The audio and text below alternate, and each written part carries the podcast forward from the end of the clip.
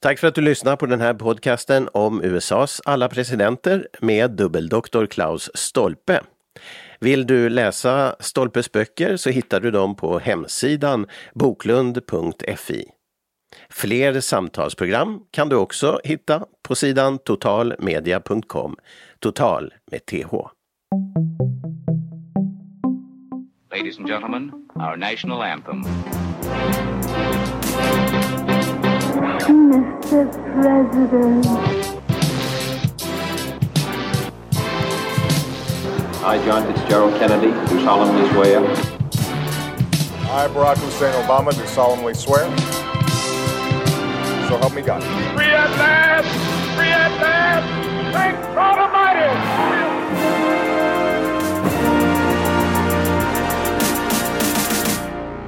Ja, välkommen till den här podcasten som heter Mr President och som vanligt så eh, ska vi prata om USAs alla presidenter en i taget idag. är det dags för nummer 18. Ulysses S. Grant, en känd eh, militär och känd sedan som president. 1822 till 1885 levde han och han blev president, eller valdes 1868.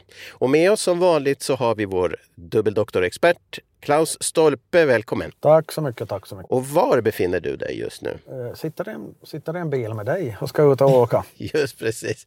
Här är alltså i en amerikanare vi sitter. Ja, absolut, annars är det ju ingen idé att, att vi kopplar ihop det med det här, här programmet. Det är min, det är min sommarbil. Det är en halvgammal Cadillac som, eh, ja, som man då kan åka i då det är fint väder, vilket det då verkligen inte för tillfället. Men att eh, har vi en gång bestämt för att vi ska åka, åka bil så åker vi bil. Ja, och det här är alltså Vasa veteranbilklubb i Österbotten i Finland som har sin onsdagsträff där vi nu sitter och väntar i bilen just då för att åka iväg ut mot Replot, eller hur? Visst var det så? Ja. Vi kommer att passera Finlands längsta bro. Den är jättelång, den är 1,2 kilometer. Yes, jag hade aldrig tänkt att den där bron skulle kunna vara Finlands längst. Den är de, bygger en i Hels, de ska väl bygga en i Helsingfors nu inne i stan som blir längre. Men att, men att eh, sen den byggdes 97, det vill Ja. säga ett kvarts sekel sen, så har det varit Finlands längsta bro. För vi behöver ju inte så många broar här i landet för vi, vi kör runt in i sjöarna istället för att åka över dem här. Ja, ni har inte... Era öar är i sjöar och Ja, precis. Så att, sjöar. dessutom. exakt. Men är, nu är det en samling här utanför. Ska man vara med på den eller är det bara småprat kanske? Nej, det är nog bara småprat för de som, de som vill gå omkring och socialisera och kanske ser någon bekant som inte de har träffat på länge. Ja, jag tänkte att vi ska prata om eh, nästa president, alltså Grant. Då. Vi kanske gör det när vi kör ut eh, sen. Men vi kan väl ändå börja med att säga någonting om Jönsson. Det var ju en stackare, tänker jag nu. Jag, jag tyckte det var synd om honom. Det var olyckligt och det var ju så du också beskrev honom. liksom Fel tid, fel plats.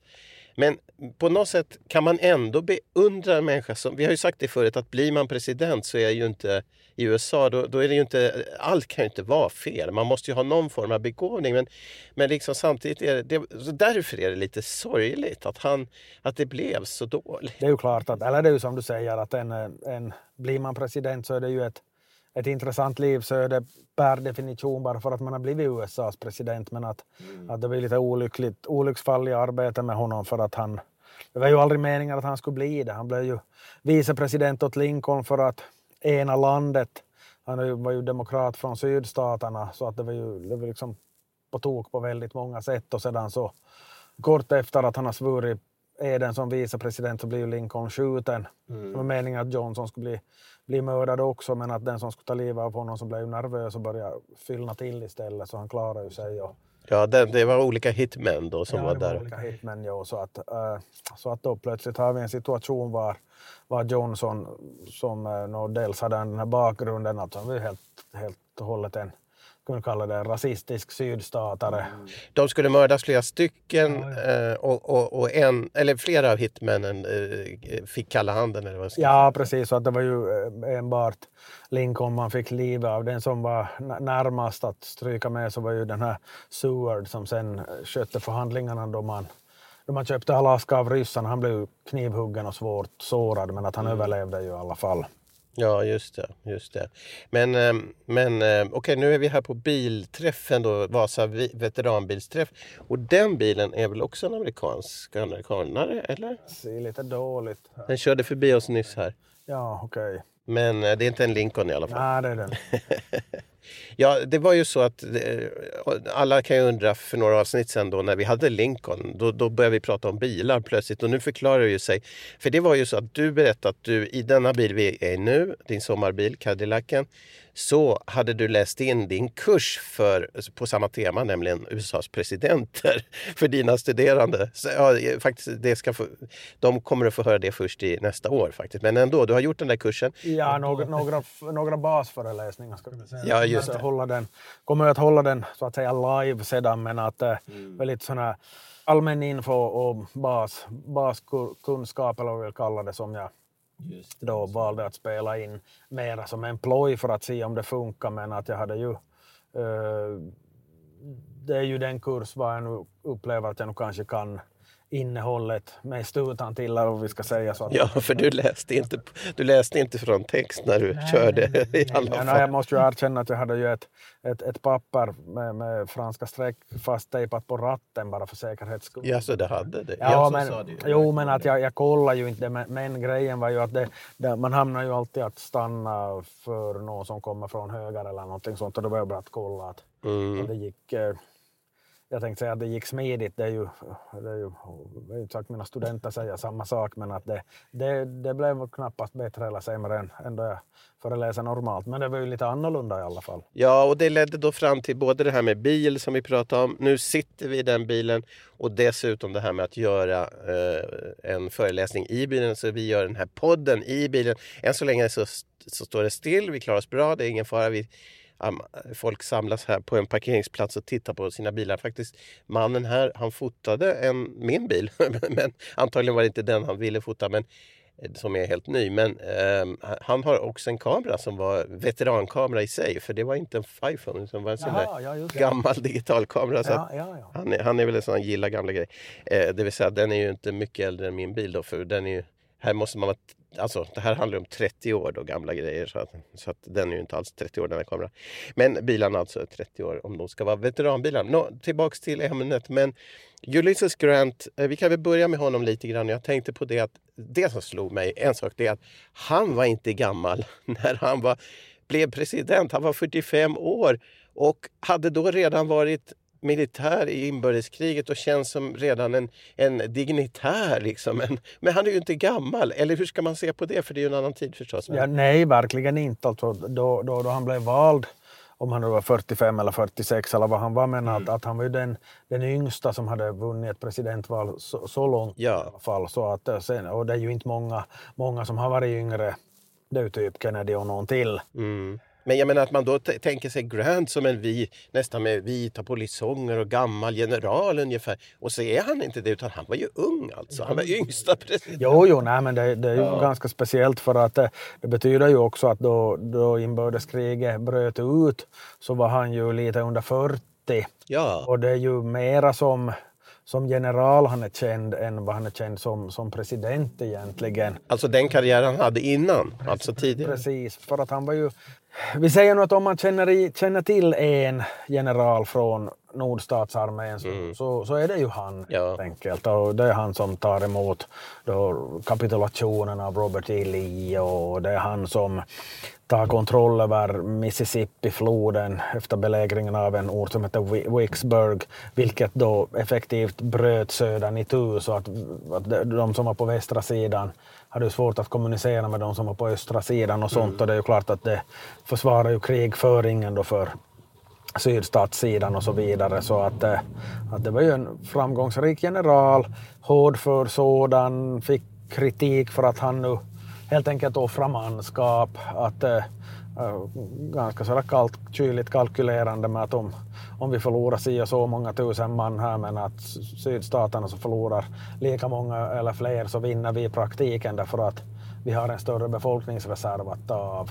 Och ja, hårda bud. Alltså. Så, så blev det ju faktiskt riktigt. Jo, jo, jo, jo, jo för så att, att och sedan så legendarisk på många sätt. Det var ju allmänt känt att han, han krökade en hel del och så vidare och på ett sätt som väck- väckte kritik hos en del men att då, då Lincoln blev uppmärksamgjord om den saken att, att hur vettigt är det nu att ha en härförare som är sådär pass pigg på flaskan så ska Lincoln då ha sagt att jaha men att, att det är kanske bäst att vi tar reda på vilket märk, vad slags whisky han dricker så kan, vi, så kan jag ge det åt de andra generalerna också så att någonting, så att någonting händer här. Ja, men en, en intressant anekdot och nu eh, ska den här podcasten ge sig ut på vägen eh, och jag ska byta batterier också på bandspelaren så därför tar vi en liten paus men vi fortsätter strax.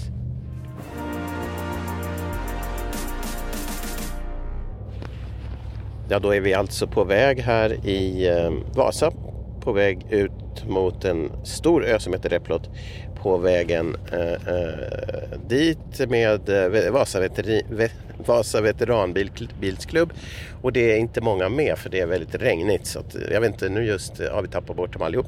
Men vår dubbeldoktor, expert Klaus Stolpe är ju med och kör bilen. Det är hans bil vi åker med som vi har hört om i podcasten. En riktig amerikanare. Och vi ska prata vidare om eh, Ulysses Grant. Det är ju en mytisk gestalt. Jag, om man tittar på mytiska gestalter så då kommer de här generalerna. Vad, vad kallar man det? The man on the horseback. Ja, precis. Vad, vad det för, är, det, är det ett sånt uttryck som finns? För, Det är ett sånt uttryck och man använder det även i modern tid, alltså vad man nu tänker med modern då, men, men att eh, då Eisenhower blev president 1952 så, men han var ju inte, han var inte kavalleriet direkt så att, men att då talar man ändå om att ja, att nu har man igen fått en sån här the man on the horseback, att, att igen, en, igen en general så att det är liksom ett, ett begrepp som används även bland icke hästburna militärer om vi säger så. Just ja. Åtminstone i de här sammanhangen. Så. Men är det så att det används just på presidenter? Eller det Ja, det är där jag har stött, stött på det, att det, det är liksom att man tar sig till presidentposten genom en ja, avstamp i en militär karriär som var man har då varit någon slags folkhjälte eller via någon krigföring. George Washington var ju den, den första med, med besked på den punkten för han var ju verkligen the man on the horseback. Men, men sen har vi ju en, en, en rad eh, presidenter sen med, med förflutet i nordstatsarmén under, under inbördeskriget som, som kom, kommer sen. Ja, ja, de, Trapp, trull. Men. Grant är ju den, den klart mest kända helt enkelt. Men kan man göra en jämförelse där med, med de som eh, var med i frihets... Jag menar, the founding fathers och inblandade i frihetskriget och då sen de som blir inblandade i eh, inbördeskriget som frihetshjältar och så blir de sen presidenter. Eller finns det någon sån liten tilldelning av he, hedersjobbet president? Ja, alltså det är ju Får man säga? Det är ju klart att om vi tänker då på den generation som, som, eh, som blev då presidenter under de där årtiondena som fra- fram till, fr- fram till sekelskiftet helt enkelt så att, att eh, inte säga att man måste ha varit eh, mi- militär i inbördeskriget men att om vi nu säger att någon skulle ha varit vapenvägrare eller något, något sånt så det skulle inte ha den personen skulle inte ha framstått i så, så god dagar. Så att det, det, det, är ju inte, det är ju inte ovanligt. Även, även internationellt sett så, det här kanske är lite långsökt sökt parallell men, men eh, de där, ska vi säga då Gorbatjov blev, blev, blev ledare för Sovjet så att strax innan så hörde det nog till att man skulle ha varit med i, på något plan i det stora fosterländska kriget, det vill säga andra världskriget, men det var ju bara att de började vara lite väl till åren så att de hade ju, fick ju begrava tre generalsekreterare i rask följd där med Brezhnev och Andropov och Tjernenko så att, eh, att i, under en viss tid så finns det då väl vissa sådana här egenskaper man kan förväntas ha, eller åtminstone är det meriterande att ha varit med om en viss typ av händelse eller händelseförlopp istället för att ha missat det helt och hållet. Men alltså det här, annars jämförelsen med frihetstiden, frihetskriget och sen nu inbördeskriget. Då kan jag tänka mig att det är lite mer problematiskt att känna den här frihetskänslan. Då var det mot britterna, man frigjorde sig, ett av de första världen som, eh, länder i världen som lyckas med den här. Och vi har pratat om det Och, och den här som, som finns kvar i USA, den här frihets, att göra sig fri från slaveriet så att säga av övermakt. Men frihetskriget och, och, man blir fri från England, det var ju en, en stor sak. Man var så stolt och det finns kvar idag. Liksom. Men den här frigörelsen, då är det ju ett brödrakrig mer. Alltså den kan jag tänka mig att den frihetsrörelsen som är att nu har vi återetablerat unionen, ja den, den, det är inte samma stolthet här för det är så känsligt, eller kan man säga så? Ja, något känsligt är det ju naturligtvis som ett, som ett inbördeskrig ju per definition är men, mm.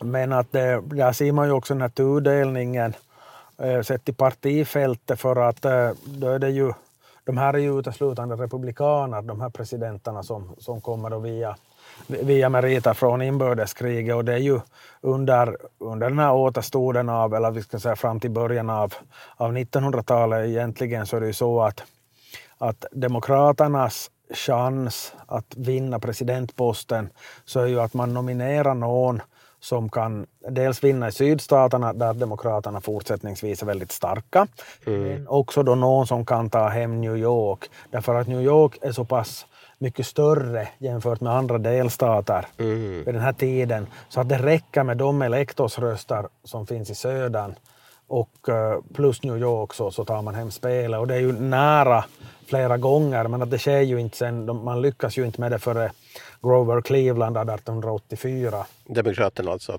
tar över? Pre precis. Ja. Det, det, är liksom, det kan vara på håret flera gånger men att det är ändå så att den här republikanen tar, tar hem spelet i, i de allra flesta fall.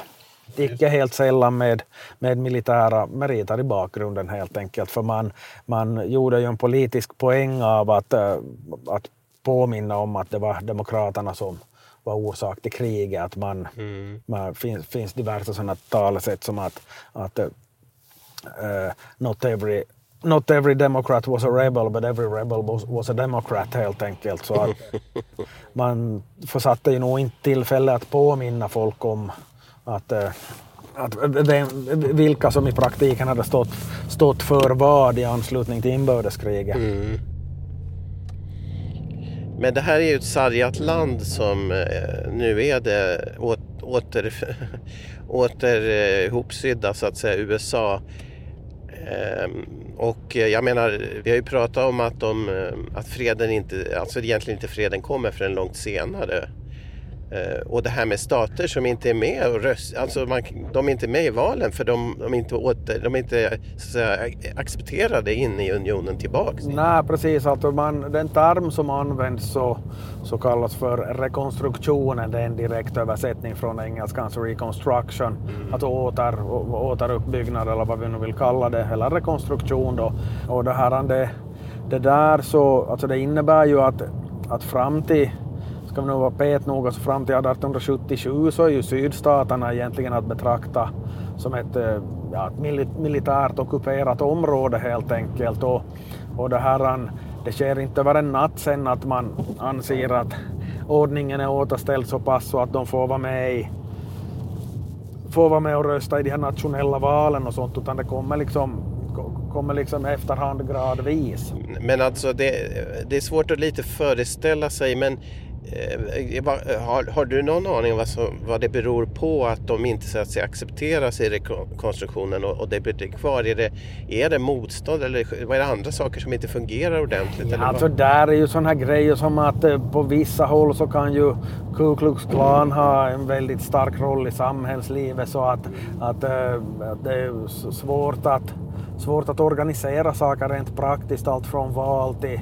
normal förvaltning och så vidare. Att eh, vi säger nu att någon domare blir misshandlad eller mördad eller no någonting i den stilen. Så att det, det, det, det, liksom, det finns ändå ett sån här, en kompakt ovilja eh, mot segrarmakten där, där ännu. Att man, så att det, och det där motståndet kan ju vara bättre eller sämre organiserat från ett håll till ett annat helt enkelt. Och, men just som du säger så är det ganska svårt att föreställa sig den där, den, den, där, den där situationen och det är ju väldigt, jag menar eh, även om du förbjuder slaveri så att du, du får ju inte bort folks sätt att tänka om, om eh, ja, rasers olikhet eller, eh, eller vad som helst. Så att det där är ju sånt som dröjer kvar dröja kvar väldigt, väldigt länge. Man ser ju spår av den idag. Alltså nu finns ju segregation kvar i det, åtminstone delar av sydstaterna fortsättningsvis. Så att, eh, jag menar att det blir en... Det var väldigt sensationellt här i senatsvalet 2020 då, då man väljer en färgad senator från Georgia till exempel och, och, och, och så vidare. Så att det, Ja. jag menar nu är det ju trots allt ganska många generationer som har passerat sen, sen inbördeskrigets dagar. Ja, fascinerande. Men eh, nord och sydkonflikten som känns ju hela tiden på något sätt. Eh, att den finns kvar som du säger. Men tillbaka till Grant då. Det är ju under hans tid det här och eh, hans efterföljare kommer alltså inte ett normalläge att vara i USA utan nu är det den här lite splittrade nationen som Grant eh, ska styra över. Och, och vi sa ju att han var, eh, vad heter det, militär, han, han, ja, han är ju känd för att han var general. Men var var hans militära bakgrund och eh, hans utbildning och så, det var lite udda med det. Eh, ja, alltså han var, från, han var utbildad vid, vid den här West Point akademin och det är ju ett sånt här så pass känt ställe så att om man, om man känner till en sån här militär akademi i USA så det är väl just West Point. Mer sällan som folk vet var det ligger. Det är nära New York för den delen. Det är en bit utanför New York, New York City. Och, eh, och det här, det är ju stor del av de kända militärerna i USAs historia som har sin utbildning där. För övrigt Robert E. Lee som var den kändaste militären från sydstatssidan så hade väl de är det nu näst högsta betyg eller tredje högsta betyg vad någon någonsin har haft från West Point. Och han var också därifrån. Ja, och Grant var då inte Grant var inte lika bra i skolan så att säga. Okej. Och det, det, det är ingenting som han hy, hymlar med, med heller utan i hans memoarer som jag då inte har läst men liksom läst om så, så där, där framgår det nog också att, att han inte var någon, någon primus direkt utan hörde väl till den där, ska vi säga, inte var han nu sämst heller, men att nu ska vi säga till den där sämsta tredjedelen på sin årskurs. Men att eh, sen är det ju en sak hur man är i skolan och en annan hur man, hur man ja, agerar i praktiken och där var han ju, där var han ju desto mer framgångsrik helt enkelt. Nej, det är, inte, det är inte bara förnuft, det är känsla och, och kraft också här. När man general alltså. Men han, han var duktig på kartor. Ja, han var väldigt bra på att liksom memorera detaljer och, och se då han ser en karta att nej, vi, ska inte gå, vi ska inte gå över floden vid det där stället utan vi går där istället. Och I den där skogsdungen så är det hög risk att fienden ligger i bakhåll och så vidare. Han kunde liksom tolka den där kartan på ett sätt som lär ha varit det påstås att han har varit liksom exceptionellt duktig på, på just den biten. Mm. Om det hade en stor betydelse eller inte vet man inte. Men det var fältslagskrig ju ännu på den tiden. Ja. Så det. Lee, Lee var en eh, annan som hade varit eh, på West Point, då, motståndarsidan alltså. Eh, Lee, deras general. Och eh, samtidigt så hade han då kursare och, och vad ska man säga, kollegor från samma utbildningsplats på, överallt på flag, slagfältet då på olika håll. Ja, det hade han ju både på nord, nordsidan och på sydsidan för att eh, där ska vi komma ihåg att, eh, att det som sydstaterna hade ett överläge i så att det var ju skolade officerare därför att det var ganska vanligt att om vi nu tänker oss sådär stereotypt att en fin plantagefamilj så hör det nu till att eh, en av sönerna, om det nu var äldsta sonen då, eller någon annan, så, som skulle ha gått på West Point eller något, något motsvarande. Så att det kryllar ju av, av folk förstås både på, både på, på, på det här nordsidan och sydsidan och dessutom så just den generationen så hade ju då också hunnit få meriter från kriget mot Mexiko på 1840-talet så att det var ju, de var ju erfarna trots sin ungdom. Mm. Ja, verkligen. Och det sa vi ju förut att han var ju ung alltså. Men, eh, men när du... Eh, jo, men han var inte någon blodtörstig typ. Det var klart. Ja, nej, det, det är liksom blod, man, han kan ju tolkas som blodtörstig i och med att han hade låg, låg, låg tröskel att offra manskap men att det där med att se blod själv så var han inte så, så pigg på att, att han... Det är ju mycket konstigt. Ja, men verkligen. Man tycker ju att det är något som man ska kunna träna bort men att det finns sådana stories om att eh, i samband med ett besök i Mexiko så hade han varit på tjurfäktning och blivit illamående av vad han såg. Det har jag full förståelse för, det skulle antagligen jag också bli men han, alltså han, han tyckte inte om att se blod helt enkelt. Men det är klart att är du general så har du väl en viss möjlighet att att uh, hålla dig undan slagfältet för att det är ju inte meningen att du ska vara där själv utan du, du lägger upp strategin och sitter i ett högkvarter om vi nu karikerar det hela. Men, ja, den, den som inte gillar blod kanske helst ska vara general då. för det var ju blodiga slag. Men, eh, men det här med, annars var han ju njutare istället då, att, att det här med Grant Grants whisky till exempel. Det finns ju också andra märken ska vi säga. Men Grants whisky, har det något med honom att göra? Nej, nej det, är, det är en skotsk whiskysort. Grant är ju ett, ett, ett, vanligt, vanligt namn. Men han tyckte väldigt mycket om whisky. Så där hade vi en koppling? Och, och, och, och, och cigarrer. Så att någon, någon eh, renlevnadsmänniska var han ju verkligen inte. Nej, men... Eh, det... det var nog inte så vanligt på den tiden att, att folk, folk var det för den delen. Så att, utan, men han, det känns ju redan nu när vi bara pratar en stund om honom att den här den här karaktären, alltså förstås Lincoln, man tycker han är jättespännande och så här. Men, men Grant skulle vara väldigt underhållande att få träffa alltså. Han verkar ju vara eh, märkvärdigt, liksom har lett ett krig och sen är en president och dricker whisky och röker cigarr.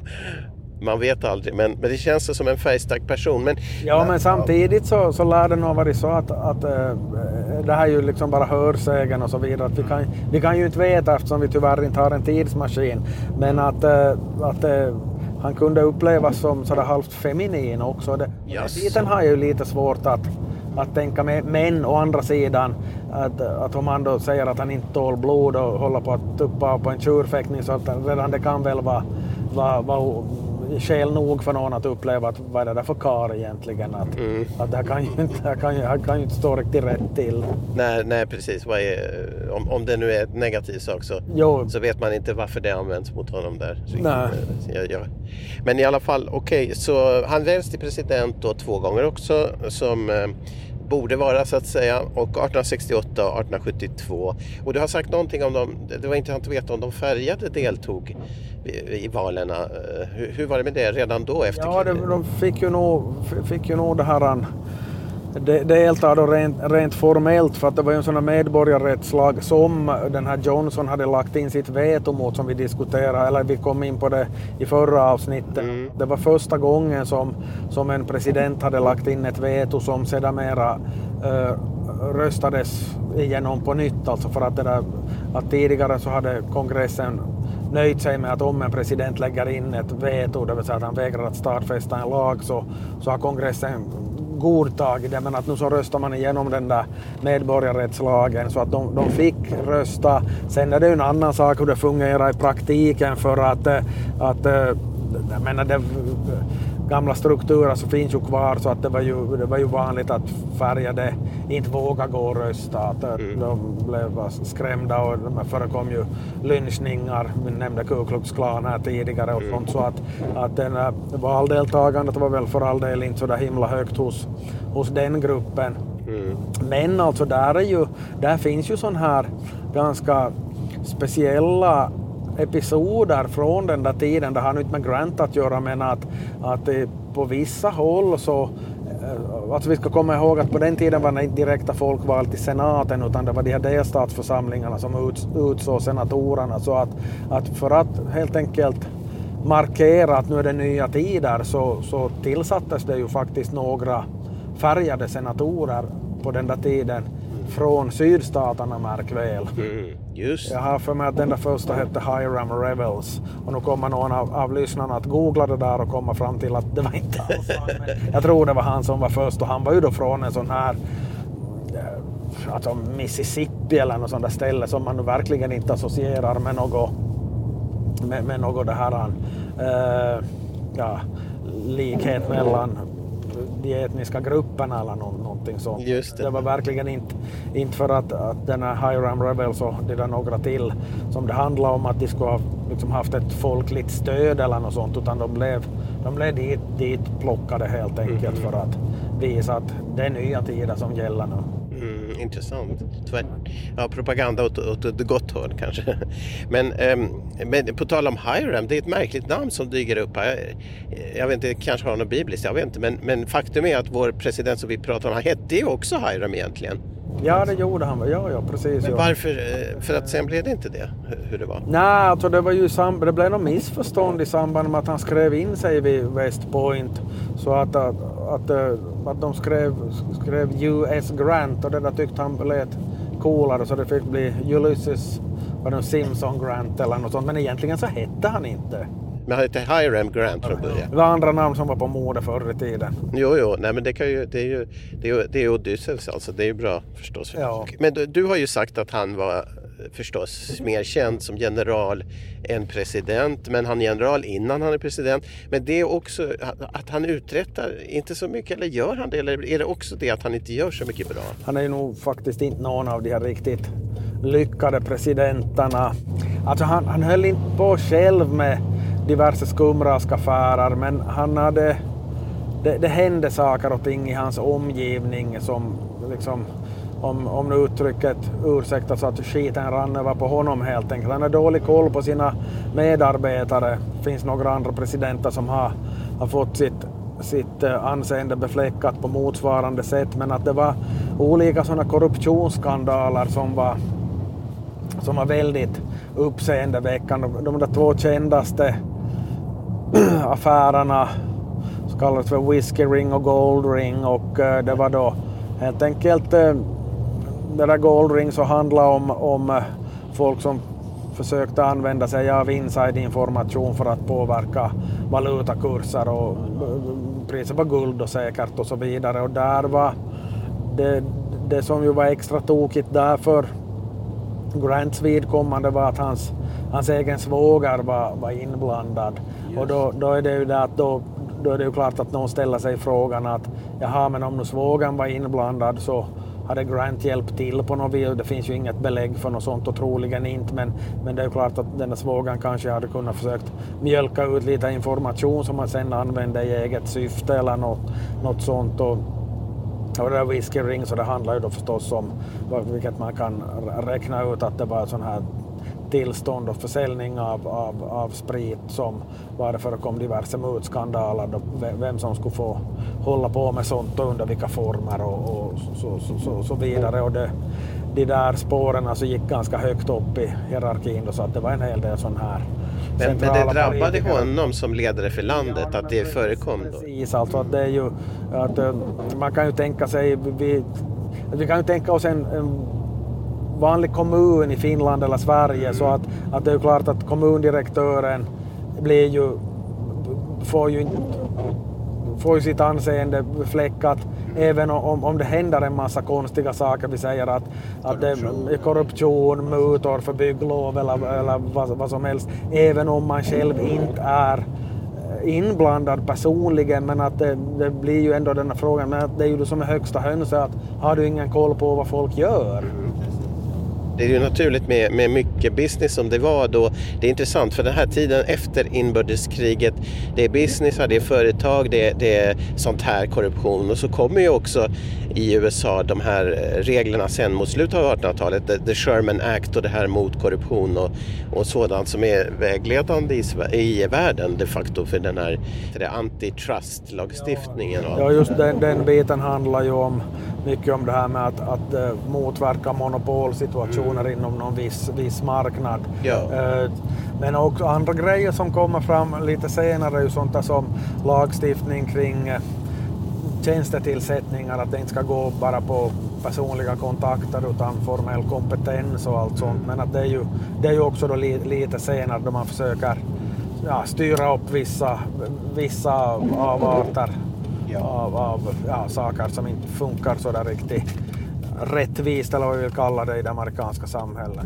Ja, men det är ändå intressant att det är nu efter inbördeskriget som de här problemen uppstår i ett, eh, halvindu- ja, ett industrialiserat samhälle, ett ganska modernt samhälle som växer fram. Då kommer de problemen. Så det, det känns intressant att, att just under Grants tid är det korruptionsskandaler också.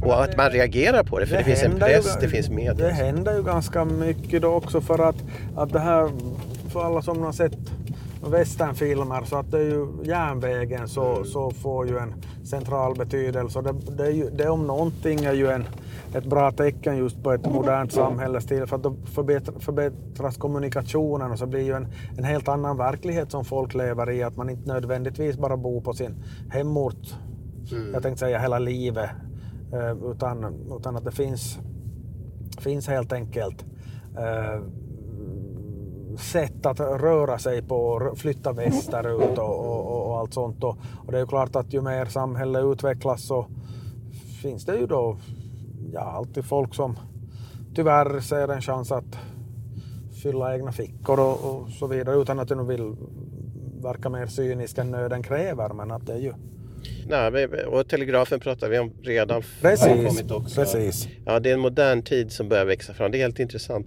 Men eh, nu har vi kommit fram till vårt mål här. Det var eh, en, ett café på ön Replot. Och eh, det är alltså utanför Vasa i Finland. Det är därför vi sitter här i bilen och gör den här podcasten. Då det är veteranbilsträff och Klaus har ju en bil som får vara med där, även om det inte är en veteranbil. Så nu ska vi gå in och ta kaffe eh, och så och då fortsätter vi efter det, eller hur? Ja, det låter bra. Ladies and gentlemen, our national anthem. Mr. President. I, John Fitzgerald Kennedy, do solemnly swear. I, Barack Hussein Obama, do solemnly swear. So help me God. Free at last! Free at last! Thank God Almighty!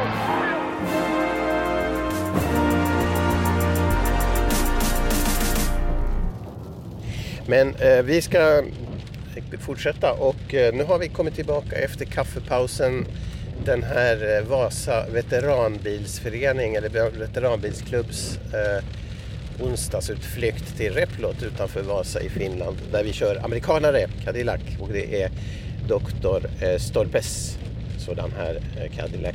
Och vi pratar om presidenten Grant eh, och vi har ju kommit fram till att vi pratade om de här korruptionerna som fanns då under hans tid som, som lite, ja, de drog ner på hans poäng om man säger. Det var lite knepigt. Han blev smittad av dem där, eller hur? Ja, det kan man ju lugnt, lugnt säga för att det var ändå en person med ett väldigt starkt anseende då, då han väl tillträdde. Men att det var ju, han blev ju till och med omvald och märk väl så ska vi, kan ju också nämna att han, han var ju på vippen att bli Republikanernas eh, kandidat en tredje gång, dock inte 1876 utan 1880 så att nu fanns det ju de som fortsättningsvis såg upp till honom men att eh, i presidenthistorien så brukar han ju inte få några speciellt höga vitsord. Ehm, på senare tid så verkar det som om hans anseende skulle ha förbättrats något och det har väl troligen att göra med att, att han bekämpar Ku Klux Klan ganska effektivt så att deras inflytande nere i södern så blev, blev liksom ganska sådär effektivt rumphugget tack vare, tack vare insatser från centraladministrationen helt enkelt för att, att de, de var ju, det gick ju ganska vilt till ställvis där nere i södern på den där tiden så att det, det ska han väl ha en eloge för men att det ändå i allt annat hamnar liksom i skuggan av dem där. Vi har ju pratat om att han var ju framförallt general och det är ju egentligen för meriterna under kriget som är som han är åkommen då som sagt. Eh, men eh, det finns några sådana här saker som vi kan ja, återkalla också från den tiden när han var i, kriget. Den här Vicksburg-kampanjen, den var efter egentligen. Men det hade med kriget att göra, eller hur? Ja, ja. Nej, det var ju så att alltså, den här kampanjen där då att, att eh, man tänker sig ja, geografin helt enkelt. Mississippi är en jättestor flod och, eh, och det är ju klart att den som har kontroll över Mississippifloden så har en klar fördel och i det här fallet så blev det ju knepigt för, milt sagt, för sydstaterna eftersom de klövs ju mitt i tu i det skede som, som eh, nordstaterna tog kontroll över Mississippifloden så att det sabbade ju kommunikationen mellan så att säga, västra södern och östra södern om vi säger så. Och eh, där dog ju folk som flugor. De hade haft en belägring som drog ut på tiden och eh, till problemen i övrigt så då det var klart så, så var det en tjänsteflicka som tappade Grants löständer i floden så han fick ju göra ett, ett personligt offer den vägen. Men att det var ju många andra som, som offrade liv eller ben och armar och, och, och så vidare. Så det var ju, det var ju tuffa tag och, och klart en som lyssnar på det här programmet kan ju tycka att nej, men vad, vad var det nu för intressant med att en massa generaler kom efteråt då blev presidenter men, men det var ju så att det, det definierar ju så mycket av, av USA under lång tid framåt att så länge folk nu, no, dels så länge det fanns folk kvar i livet som, som eh, hade personliga minnen av det där kriget men legenderna och myterna lever ju kvar också så att, att det, det där har ju haft en, det är klart att sånt där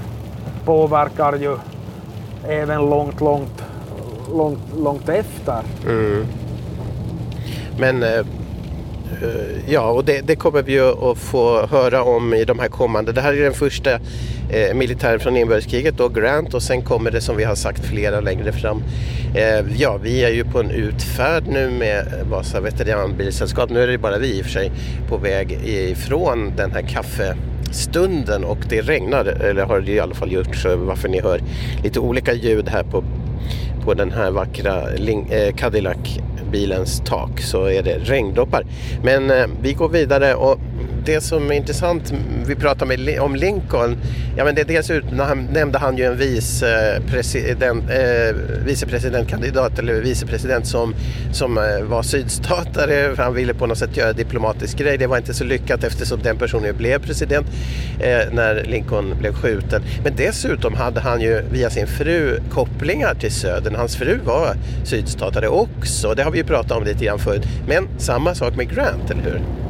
Jo, alltså Grant är ju faktiskt den sista av USAs presidenter som i något skede av sitt liv har ägt slavar.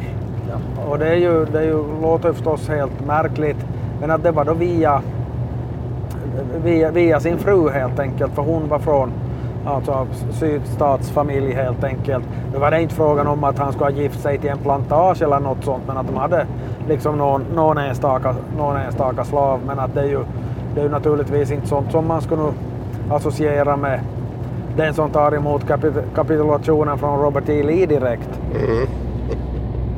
Nej, precis. Men dessutom så var ju eh, Lincolns fru och ja, Lincoln och Grant var bekanta och Lincolns fru och fick då måste då umgås med Grants fru, men det var inte så lyckat. Ja, no, det, det, vet man inte riktigt hur mycket, men att de, de kan ju ha... Alltså, om, alltså man, man vet liksom inte hur mycket de nu träffar varandra rent fysiskt, men, men grejen är ju att Lincolns fru hade ju samma bakgrund helt enkelt. Att hon var ju också från en sydstatsfamilj, vilket vi var inne på i förra avsnittet, att, att, eh, att hennes eh, släktingar, typ bröder och så vidare, som var ju på sydsidan under inbördeskriget. Om Grants fru hade några likadana kopplingar så jag har aldrig tänkt på den saken faktiskt. Att jag, jag känner inte till den saken, men att någon som hon däremot umgicks med så var ju Jefferson Davis änka eller fru, det vill säga han som var president för sydstaterna. För att då på äldre dagar så umgicks fru Grant och, eh, och fru, fru Davis. Huruvida de uh, diskuterar inbördeskriget speciellt mycket så kan vi ju inte veta men att det jag, försökt, jag har försökt snoka i det där också av ren nyfikenhet men det var väl ändå så att Jefferson Davis fru så ansåg att det var en ren idioti och olycka att Södern hade brutit sig ut så hon hade inte sagt att hon hade några större hang-ups med, med den saken. Och ska man nu lägga till en detalj där så av någon anledning så hade Grant en häst som hette Jeff Davis. Eh, jag tror inte att Grants fru nödvändigtvis påtala den saken åt, åt fru Davis. Nej, just det. Ska, kan vi ju gissa i alla fall. Men vad betyder det att man har en häst som heter... Ja, det fanns nog någon story bakom den där också. Men att, eh, enligt någon teori så hade väl inte någon direkt koppling till den där presidenten heller. Men alltså till sydstatspresidenten. Men att det var en lustig kuriositet. Nej, det är så märkliga relationer som finns då i sådana här inbördeskrig som föregår striden. Man är kollegor vid West Point och allt möjligt. Och, och sen plötsligt är man bittra fiender och, och ställs mot. Man är, man är tränad tillsammans för att strida mot varandra. Sådana här märkliga saker. Jo, jo. Men eh, jag tänkte på det var intressant. Dels hade ju varit tränade och sen hade ju också i kriget mot Mexiko varit på samma sida. Ja, just och, det. Och sedan så ett och tre de på, på olika sidor. Det såg man ju redan. Såg man ju ett exempel på det då kriget började. Att, att eh, det fanns ju ett fort utanför Charleston i South Carolina som nordstaterna då vägrade ge upp och så blev de beskjutna. Men att den som ledde beskjutningen så hade ju stridit tillsammans med han som försvarade fortet helt enkelt. Så att eh, det, det såg man ju redan från dag ett i det här kriget. Just det. Och, eh, men en sak var ju det att, att Grant, han tyckte väldigt illa om Mexikokriget tidigare och ansåg att inbördeskriget var på något sätt ett syndarnas straff för det där. Kan, vet, kan du utveckla det? Jo, för att det, det var ju så att från amerikansk sida så ville man få nya territorier helt enkelt. Eh, Texas var en självständig republik från 1836 till 1844 och visade då önskemål om att ja, börja höra till USA istället. Och eh, det är ju mycket, det var väl klumpig di- diplomati att ska vi säga, USA provocera fram det där kriget eller hur man nu vill uttrycka saken. Det går lite olika tolkningar och förklaringsmodeller av det där men att, eh, att Grant upplevde ju att det var ett, ett orättfärdigt krig helt enkelt. Det ledde ju då också till att slaveriområdena blev större för att det var ju då USA blev större så jag menar det växte ju i södern helt enkelt. Och då tillspetsades ju den här frågan om huruvida slaveri skulle vara tillåtet i de nya delstater som skulle uppstå av detta. Då följde en växande konflikt mellan de som tyckte att slaveri var okej och mot de som ville begränsa det och då, då blev ju följden det här kriget så att, att mot, mot den bakgrunden så såg Grant det som att, att man man körde där man sådde eller vilka klichéer jag ska dra till med för att illus- illustrera den saken. Men när vi talar om Grant så en intressant sak är ju den här motkandidaten han hade vid andra eh, valomgången när han blev vald andra gången 1872. Det var ju en märklig historia. Dels en märklig person och sen det hela ödet där. Ja, alltså det, det där är, eh, Horace Greeley hette han. Det, det måste ha varit en av de märkligaste presidentvalskandidatnomineringar någonsin i USA. För att det var ju en känd liksom, tidningsman och, och väldigt synlig person men han var, han var, han var lite, han höll på att bli fnoskig vid det där laget. Att han, eh, han det här han eh, hade personliga motgångar och, och så vidare. Hans fru dog väl under kampanjen och sen så, så hamnade han in på mentalsjukhus eh, och faktiskt dog sen innan elektorerna han samlas. Så att han, han, han dog alltså under, på ett mentalsjukhus under, under valprocessens gång. Så att det blev lite konstigt redan. Alltså det var ju klart att Grant skulle vinna så att det spelar ingen roll för utgången. Men att eh, men där var ju sådana här grejer att, att hur skulle man rösta så att en del av hans elektorer så röstade på någon kandidat och någon på någon annan och, och fler, några så röstade till och med på Greeley fast han hade dött. Jaså? Äh, Men att de rösterna förkastades sen men att det var en, en märklig situation förstås. Även om det inte var någon dramatik beträffande utgången för att det var, det var alltså klart att Grant skulle ha vunnit, vunnit överlägset. Men där Greeley så, han, hade, han var liksom, eh, ja han hade en, en del tankar. Han var vegetarian och nykterist och allt. Och det, det är helt tillåtet, men missförstå inte. Nej, att- nej. Att Men för- för den tiden. den tiden. att Ja. jag menar, vi Och snackar- feminist var det han också. Ja, så att han, han eh, så att på, på, han hade ju liksom tankar och värderingar som var långt före sin. Vi ska komma ihåg att det är ju för 150 år sedan. Mm. Ja, väldigt intressant och vilket öde. Men, men det var inte så att man måste bestämma hur man fördelar de här rösterna för elektorerna kunde med eget huvud välja själva och rösta på någon annan eller till och med på honom då i två fall. Men, Ja, men, i och för sig det där med, med i hans fall så då, det, det godtogs inte. nej, det gjorde det inte. Men, men att, annars fick de välja då vem de lägger sin röst Jo, på jo såklart. då för att de, då det här givna alternativet inte, inte fanns helt Mm. enkelt. Så, Men det är väl så egentligen en elektor som är vald kan lägga på vem den vill. Hörru, det där är nog ganska knepigt för att det är som med allt annat i USA så varierar det ju från delstat till delstat. För jag minns det var något val här då. ehm, det var väl då... Minns jag inte om det var det först... Som det var något av de där Obama-valen eller vem det var så, så, så var det några som inte röstade så som, så som det var tänkt. Mhm. Och, och det, det gav lite olika eh, följd eller resultat i olika delstater för att, att i några fall så blev de liksom bötfällda. Att det var inte bara det att, att, eh, att det inte godtogs utan de hamnade väl att betala typ tusen dollar eller något, något sånt. Men att det var ingen liksom, riksomfattande lagstiftning så det var en del hamn, hamnade att böta och andra, andra inte. Men, men rösterna räknades i alla fall. Kan det vara så? Jo, Eller elektorsrösten? Ja, alltså då man, då man ser ett sammandrag av, så, så ibland så, så nämns de här kandidaterna som, som fick då någon enstaka ströröst och, och ibland så bokförs de liksom på, på den som hade vunnit i den delstaten så att hur det är rent, rent juridiskt så, så tycks ju vara lite, lite knepigt men att det där är ju förstås värt att hålla i minne att om det, om det nu blir otroligt jämnt i ett val. Vi säger nu att det blir 270 mot 268 eller någonting sånt. Så vad händer då om det är någon som så att säga avviker från partilinjen? Det tycks vara väldigt, väldigt luddigt det där.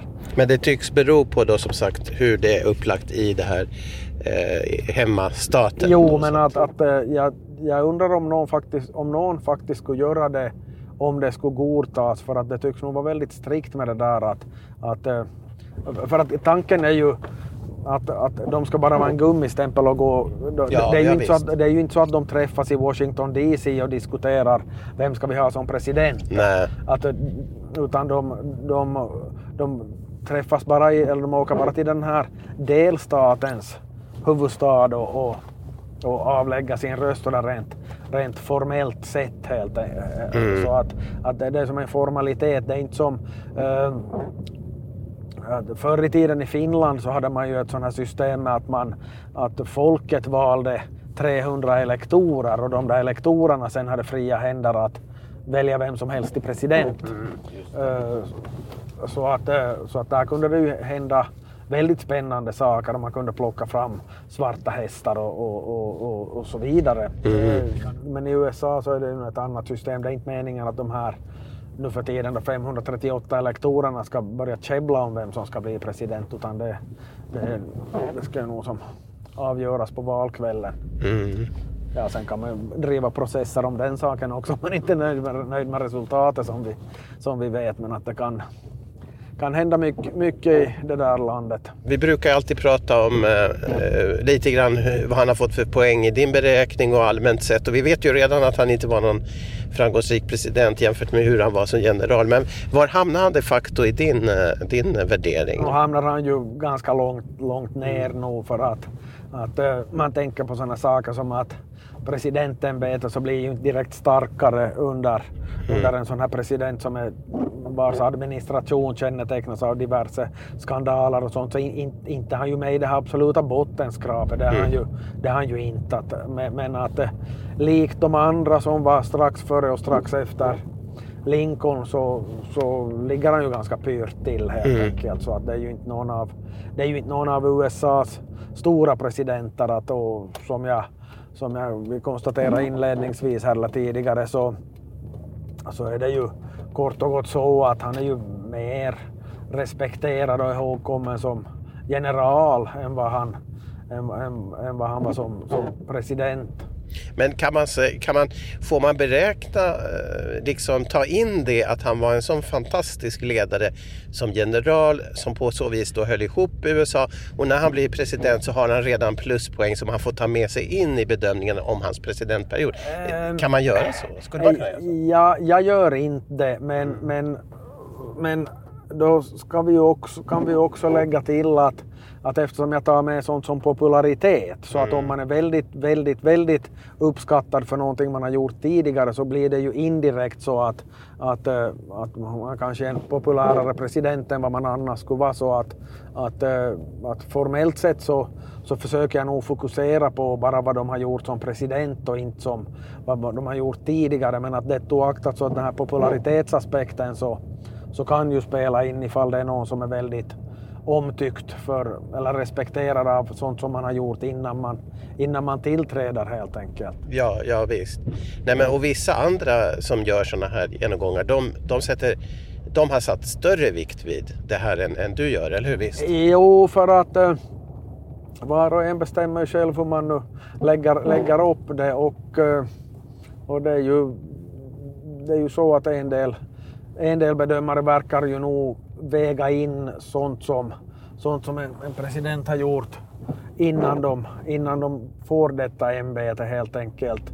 Så att eh, ett konkret exempel är väl den här James Madison, alltså en av de första som är en av de founding fathers som långt är mannen bakom grundlagen och så vidare. Så att han är, man, man märker att i, i fallet med honom så, så verkar de här bedömningarna variera ganska, ganska, ga- ganska duktigt helt enkelt. Ulysses Grant, vilken, vilken karaktär ändå.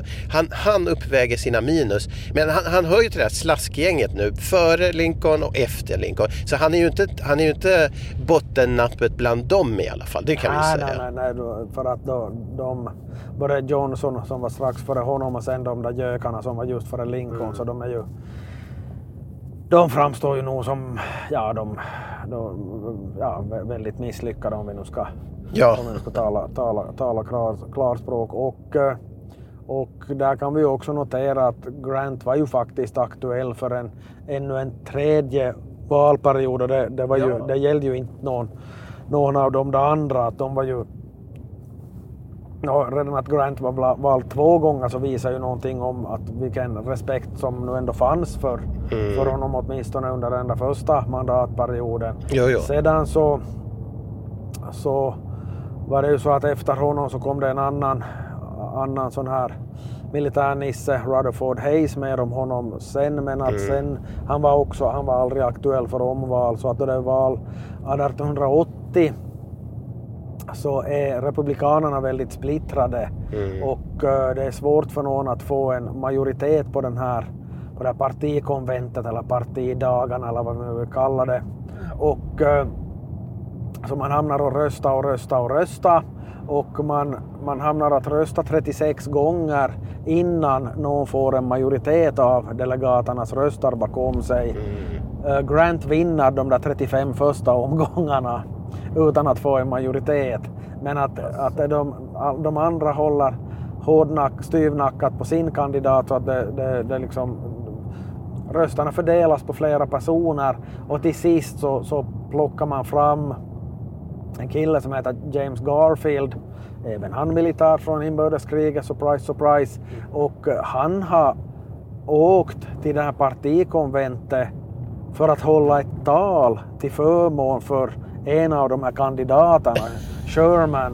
Men att sen då, då det blir som så låsta positioner och man måste börja se sig om efter, eh, så kommer man fram till att ja men han som, den, den där killen som höll så bra tal till förmån, att vi, vi kan väl vi kan väl ta honom då så vi kommer vidare. Ja men det låter ju bra och så, så liksom. Men vad hände sen då? Blir han? Ja han blev ju president. Ja, ja. För det här var ändå nomineringen, var det inte det? Ja, ja, ja. ja precis. Ja. Så, så Jo, jo, det här var nomineringen inom Republikanerna men att som vi redan har konstaterat så Demokraterna var ju försvagade en lång tid efter Ja, ja, inbördeskriget så att den här Garfield sen som, så kommer att vinna presidentvalet och, och det här han är då den näst mest kortvariga av USAs presidenter för han blir skjuten helt enkelt. Ja, precis. Ja.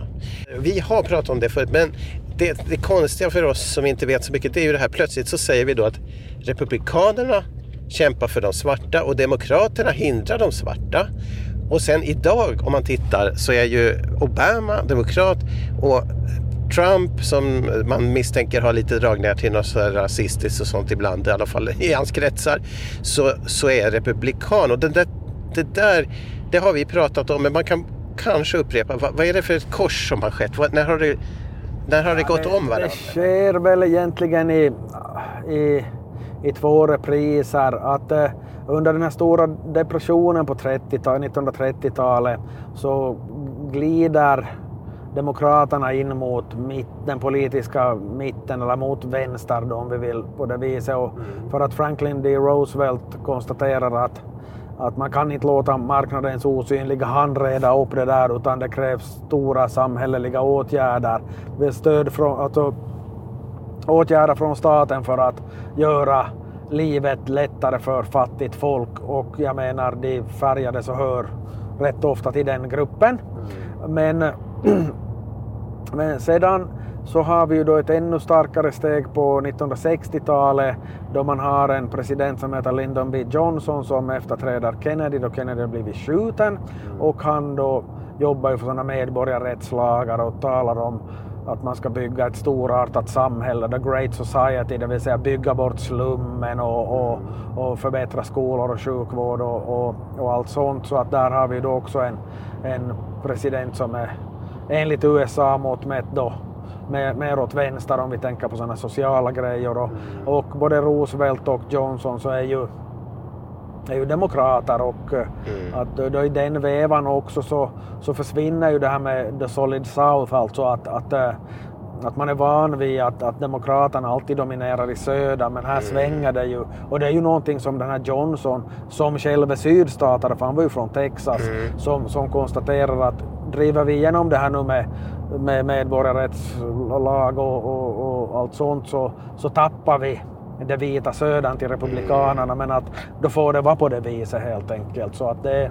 Men jag menar det har vi sett tidigare i den här berättelsen också hur, hur de här eh, partitillhörigheterna och, och, och ställningstagandena har förändrats från allt från början hur de här partierna har bytt liksom lite skepnad och, och, och, så sker ända in i våra dagar. Så det som vi upplever som naturligt idag det har egentligen inte jättelång historia. Nej, nej precis. Och också om man ser på det här med demokrater och republikaner så så att eh, eh, om man ser på liksom vilken typ av ort de är starkare på så att, mm. att man rör sig ut på vischan så är republikanerna starka för där är det mer värdekonservatism och sånt. Mm. I stora befolkningscentra så är det, är det, det här demokraterna som dominerar. Mm. Man ser det där på, alltså på något sådant ställe som Oklahoma så får ju republikanernas presidentkandidat typ 70 procent av rösterna och sånt. Och, och, och sen i någon sån här mer urban stat så är det ju totalt om, ombytta roller. Ser man inne i en delstat eller i en delstat så, så uh, man kan ta Pennsylvania som exempel. Att, uh, det vill säga där finns det då två rätt stora orter, Philadelphia och Pittsburgh. Där är, där är det här demokraterna överlägsna. Mm. Sen i hela delstaten i övrigt så då är det landsort, mer landsortsbetonat och där är republikanerna överlägsna. Mm. Så att det, det, är helt enkelt två olika verkligheter rent politiskt. Att jag nämner just, att jag nämner just uh, Pennsylvania som exempel så beror på att totalt sett så är de väldigt jämnstarka de där de, där partierna. Så att det, alltid, mm. det, det, är en av de där delstaterna där, där det är strid på kniven i, i, i varje val. Ja, det, men, där det, det är spännande. Men, men att, som, ska vi säga, går vi ort för ort så, så, finns det väldigt få orter var partierna är jämställda utan ja. de, är, de helt enkelt har olika styrkeområden rent geografiskt. Ja, det är polariserat kan man kalla det så. Mycket. Mm. Jo, jo, det är helt, helt, det är helt exceptionellt faktiskt. Mm. Men den som då efterträdde Grant, ska vi säga någonting om det innan vi avslutar? Ja, Rutherford B. Hayes, Rutherford Burchard Hayes. Där så kommer vi säkert att uppehålla oss rätt mycket om sättet kring hur han blev vald för att det var, det var en sån jädra cirkus så att det var inte klokt. Eh, Inte nog med att för en gångs skull så hade en demokrat flest röstar, Samuel Tilden, vann i södern plus New York, vilket då var den här vanliga strategin bland, bland det här an- demokraterna. Men det blir det är oklarheter kring tre delstater i södern och eh, man vet då att Hayes måste vinna i alla, i alla tre för att bli vald och eh, efter många om och men så kommer man fram till att Hayes har faktiskt vunnit alla tre delstaterna, vilket ju stinkar ganska ordentligt eftersom Tilden har vunnit hela södern i övrigt. Så att det förekom väl både ett, och, ett som annat där valfusk från Republikanernas sida troligen.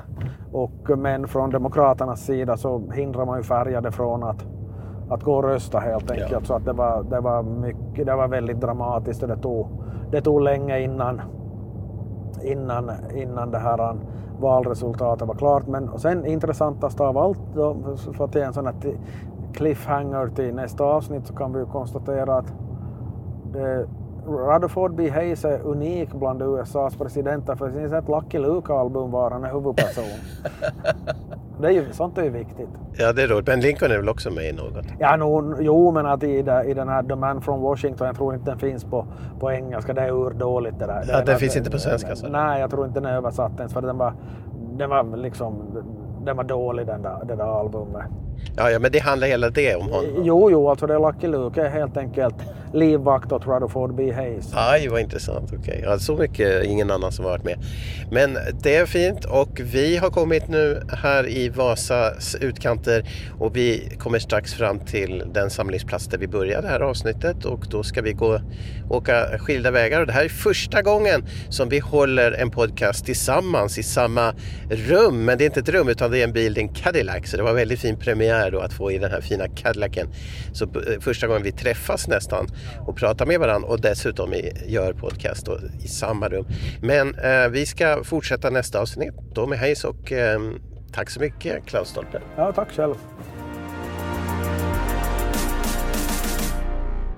Du har lyssnat på podcasten Mr President och du kan hitta fler avsnitt och andra samtalsprogram på sidan totalmedia.com. Vill du läsa Klaus Stolpes böcker om USA och presidenter så hittar du dem på sidan boklund.fi.